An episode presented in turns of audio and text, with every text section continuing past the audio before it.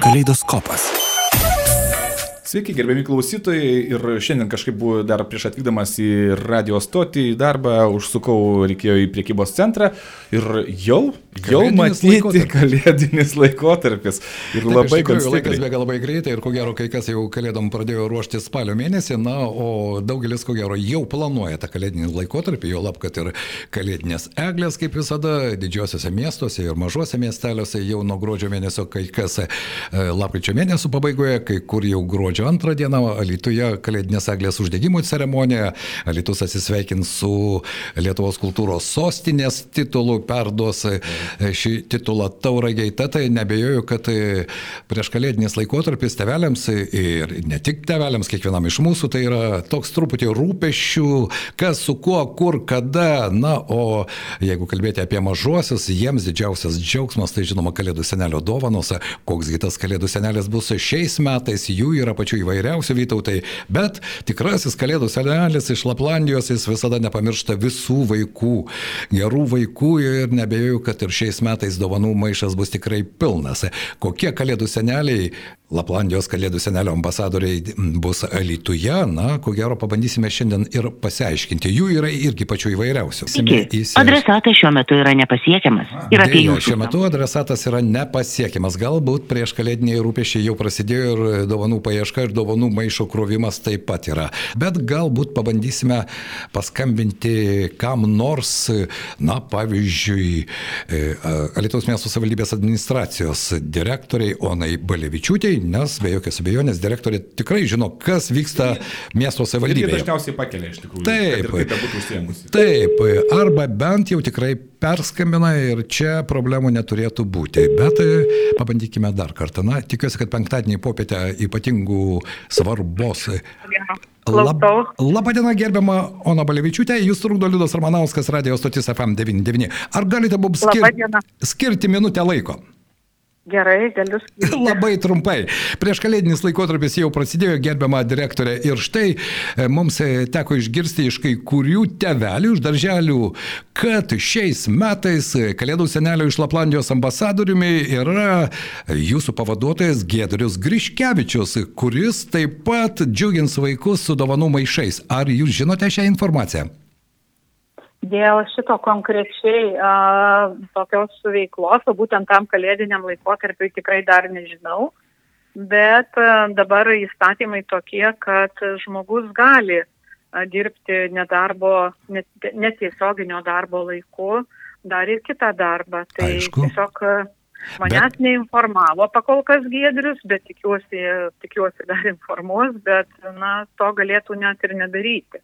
Mano nuomonė irgi, nes yra žinoma įstatyminė, po įstatyminė e, bazė, be jokios abejonės, bet yra ir tam tikri etiniai, moraliniai dalykai, jo lab, kad tai, na, darželius ko gero irgi jūsų pavaduotojas kūruoja tam tikrą prasme, nes yra direktoriaus pavaduotojas.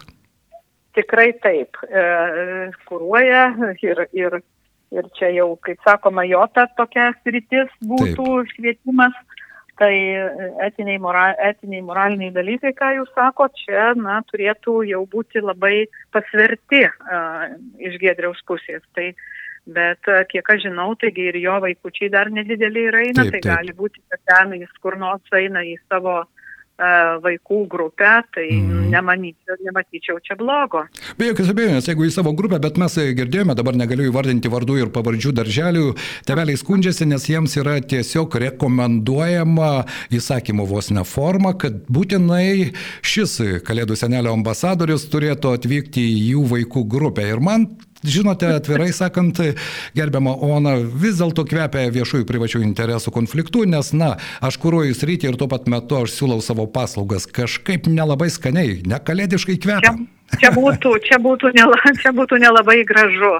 Aš jums pažadu, kad pa, pa, pasikalbėsiu su Giedrim, na, jisai jaunas žmogus gal tiesiog nepagalvojo šitų dalykų, kad tai gali būti tiesiog viešųjų ir privačių interesų konfliktas ir arba jo ir nebūti, o jau kas nors įtars, ne, jeigu tarkim eina į savo vaikų grupę, tai, Taip, taip, tai taip. iš tikrųjų turi būti labai, labai atsargus, nes na, tas, ta reputacija vis tiek jinai svarbi, tuo labiau, kad Giedrius turbūt irgi eina į rinkimus ir, ir O, norėtų, balsuotų.